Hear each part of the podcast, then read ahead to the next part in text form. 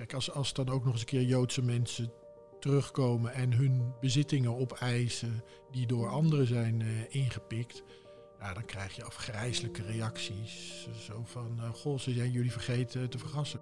Voor deze aflevering van Achter het Verhaal gaan we 75 jaar terug in de tijd. Het is mei 1945. De bevrijding van Nederland was eerder deze maand en het normale leven komt weer langzaam op gang. Maar hoe ziet dat normale leven eruit? En wie keren er terug naar ons land en wie juist niet?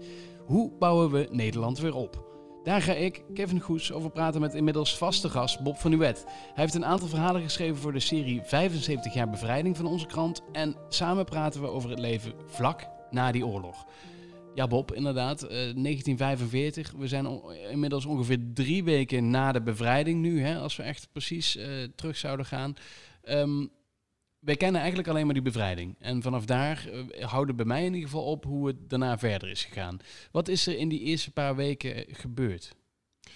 Um, nou, van alles natuurlijk. Maar de bevrijding, dan heb je het over de bevrijding uh, in Nederland. Hè? Ja. Dus, dus de bevrijding van de Duitsers. Maar, en daar gaat de serie ook nog verder. Er is natuurlijk aan de andere kant van de wereld, hebben we Nederlands-Indië.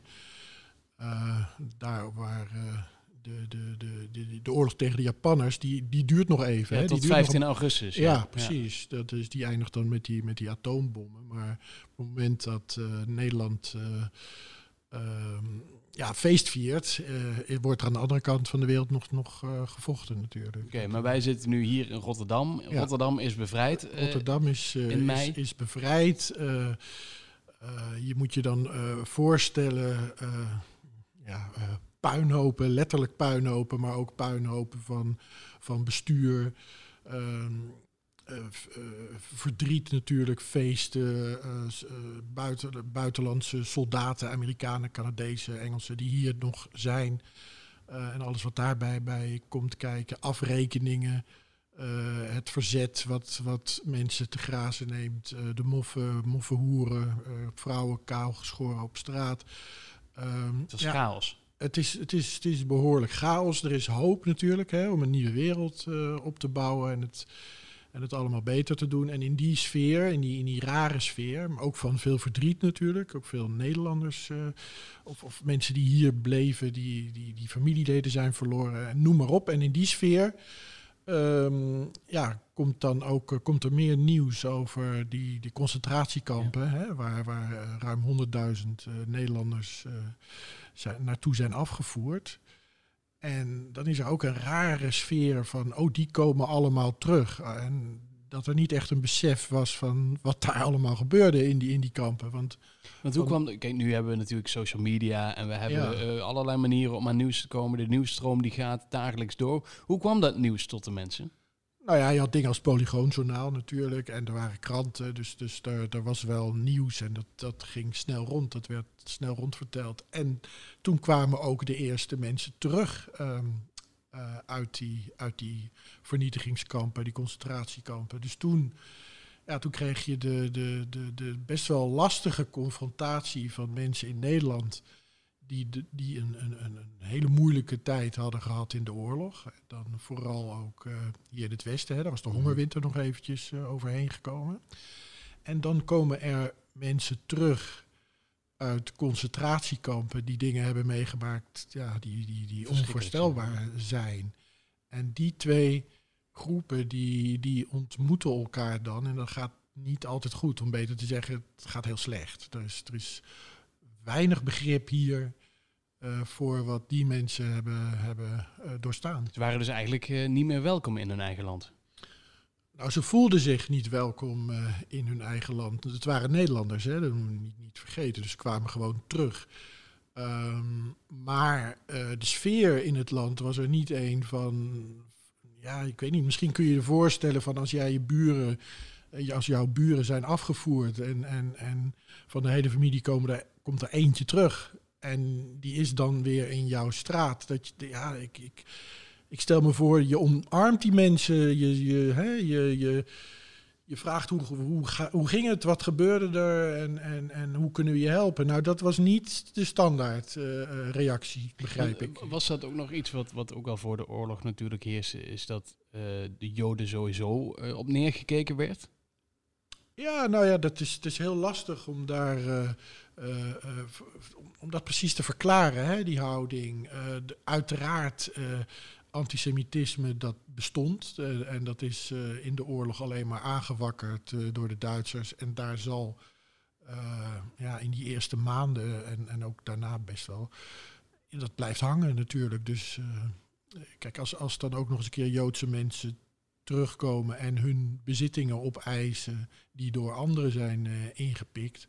Ja, dan krijg je afgrijzelijke reacties. Zo van, goh, ze zijn jullie vergeten te vergassen. Weet je wel, dat soort dat is heel, heel, ja, heel laag uh, bij de grond. En, en, en, maar goed, dat zijn menselijke reacties. Zo kunnen mensen reageren. En, en, dan, en dat overkomt dan die, die ruim 5000 uh, Nederlandse Joden die terugkomen. Ja, die, die komen in zo'n sfeer terecht. Het waren er zo weinig. Dus er gingen er 100.000 en ja. er komen er 5000 terug. Ja, ja, Nederland is wat dat betreft uh, berucht. En dat had ermee te maken dat tijdens de voor de oorlog en in de oorlog had, was de Nederlandse bureaucratie werkte heel efficiënt. Op allerlei manieren. Ook op deze manier. Dus ook om Joden op te sporen. En, en daarbij was er een, een, een, een soort ja, een ongeloof bij veel Joden van het zal wel meevallen. Ik geloof dat iets van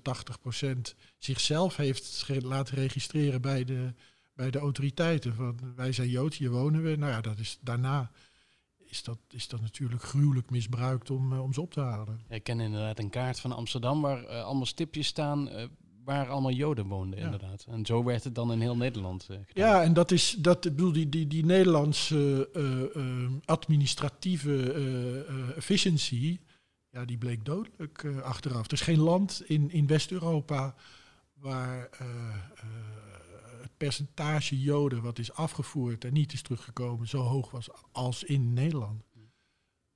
Maar ja, dan komen er 5000 terug. Ja. Um, die willen weer naar hun eigen huis, begrijpelijk. Ze willen gewoon terug naar waar ze geweest waren. Ja. waarom stuiten zij zo op dat onbegrip van die Nederlanders? Um, nou ja, daar heb ik met, met verschillende mensen over gesproken. Dat, is, dat, dat zit in lagen, het is een lastig uh, verhaal.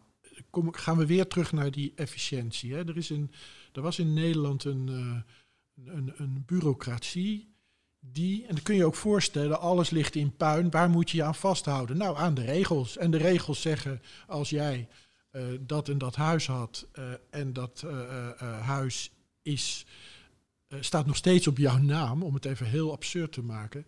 Ja, dan heb jij onroerend goedbelasting, moet je nog betalen. Er zijn zelfs mensen, en dat is echt onvoorstelbaar, die terugkwamen uit, uit, uit Auschwitz en die van het gasbedrijf in Amsterdam nog openstaande rekeningen kregen. Bedoel, dat kun je niet, ja. bedoel, dat kun je niet voorstellen. En, en ik denk dat het niet eens gebeurde om die mensen te pesten of, of, of, of om heel, heel akelig te doen. Nee, het, dat, die rekening stond open en het besef dat het misschien wel heel pijnlijk kan zijn om juist dat te gaan vragen bij iemand waarvan de hele familie zo'n beetje is, is uitgeroeid in de gaskamers. Ja, dat uh, kwam niet eens op. Nee. nee.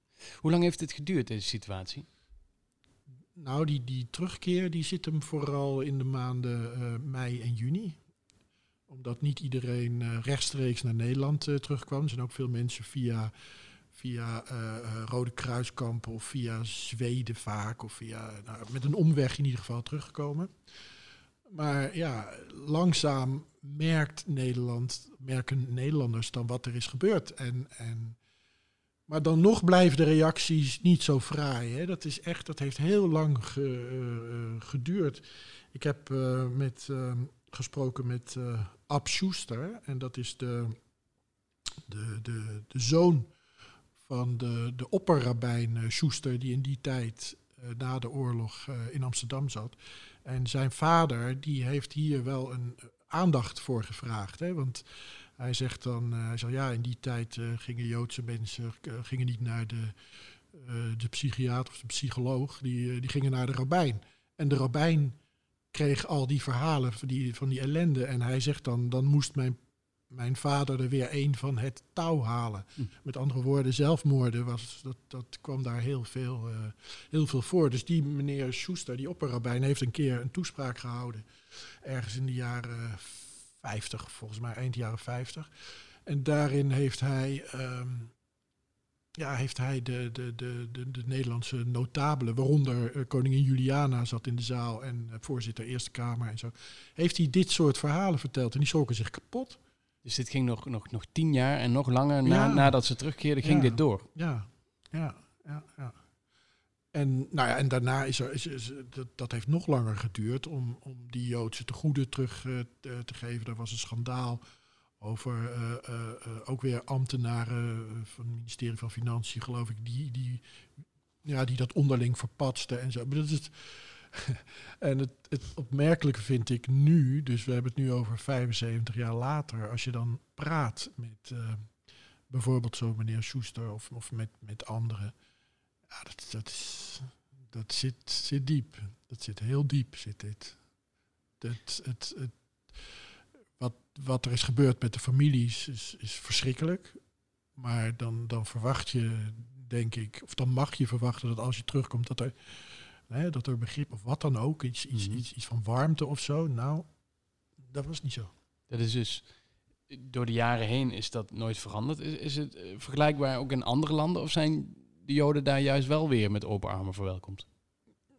Ja, nou ja, dat, dat is, is lastig. De, uh, in, in andere landen. Uh, kijk, andere, Nederland bijvoorbeeld, wat een puntje is. Nederland heeft niet de Eerste Wereldoorlog meegemaakt. Dus uh, grote vluchtelingenstromen en dat. We, kwamen inderdaad wel Belgen, maar goed, maar, maar dat gevoel van oorlog en van bedreigd worden en dat soort dingen zat er helemaal niet in hier. In, uh, in België wel. Daar hebben ze de Eerste Wereldoorlog meegemaakt. Die Joden die uit, uit in, in, in Rusland bij pogroms zijn ver, verjaagd daarvoor, al voor de Tweede Wereldoorlog. Die wisten wat, hè? Dus, dus die waren alerter. Hier is het, is het allemaal maar gebeurd. En ja, ik heb, ik heb het idee van een best wel naïef, naïef Nederland. En, Hebben we er iets van geleerd, denk je? Als je kijkt naar de vluchtelingenstromen die nu op ons nou afkomen. Ja, ik, had, ik, had, uh, ik zal geen namen noemen, maar ik had iemand uh, aan de lijn die ontzettend boos werd over hoe wij op dit moment uh, weeskinderen, Syrische weeskinderen in Griekenland niet willen hebben. En die zei, ja, ze hebben helemaal niks geleerd. Dit, dit doet me zo denken aan die, aan die tijden weer dat uh, we zijn bezig met ons eigen, met ons eigen, ja, wat er tegen zit en onze eigen problemen. Maar dat er mensen zijn die veel grotere problemen hebben, kunnen we ons niet goed voorstellen. Laat staan dat we iets voor ze doen. Dus dat, uh, die parallel vond ik wel pijnlijk, ja.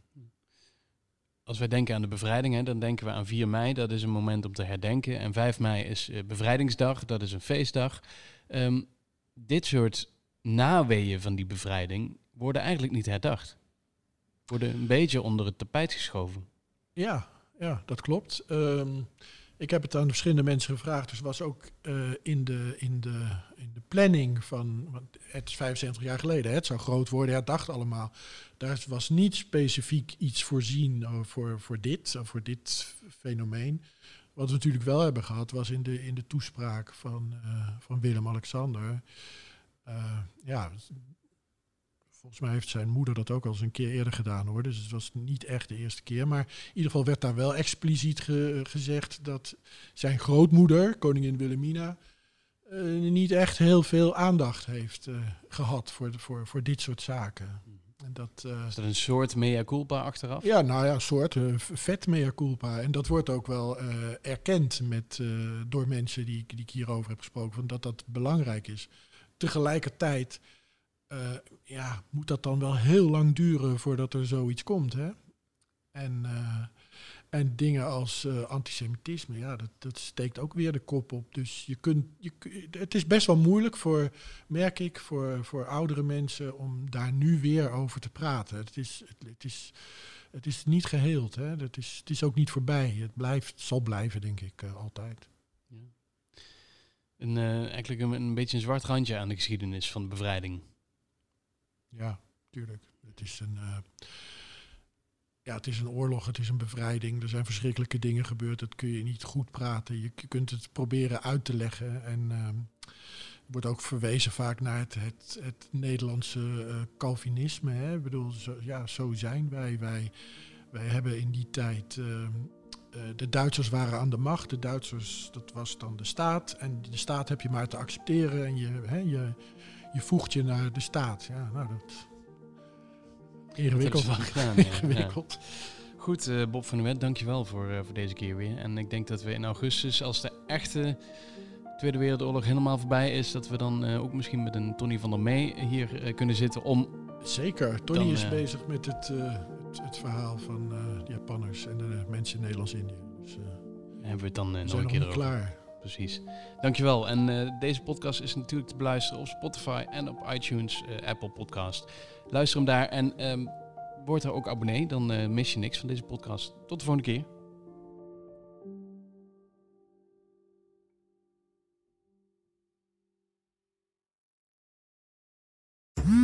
Worden dagelijks overladen met overbodige informatie. En het is moeilijk de zin van de onzin te scheiden. Daarom vertrouw ik op echte journalisten in plaats van meningen.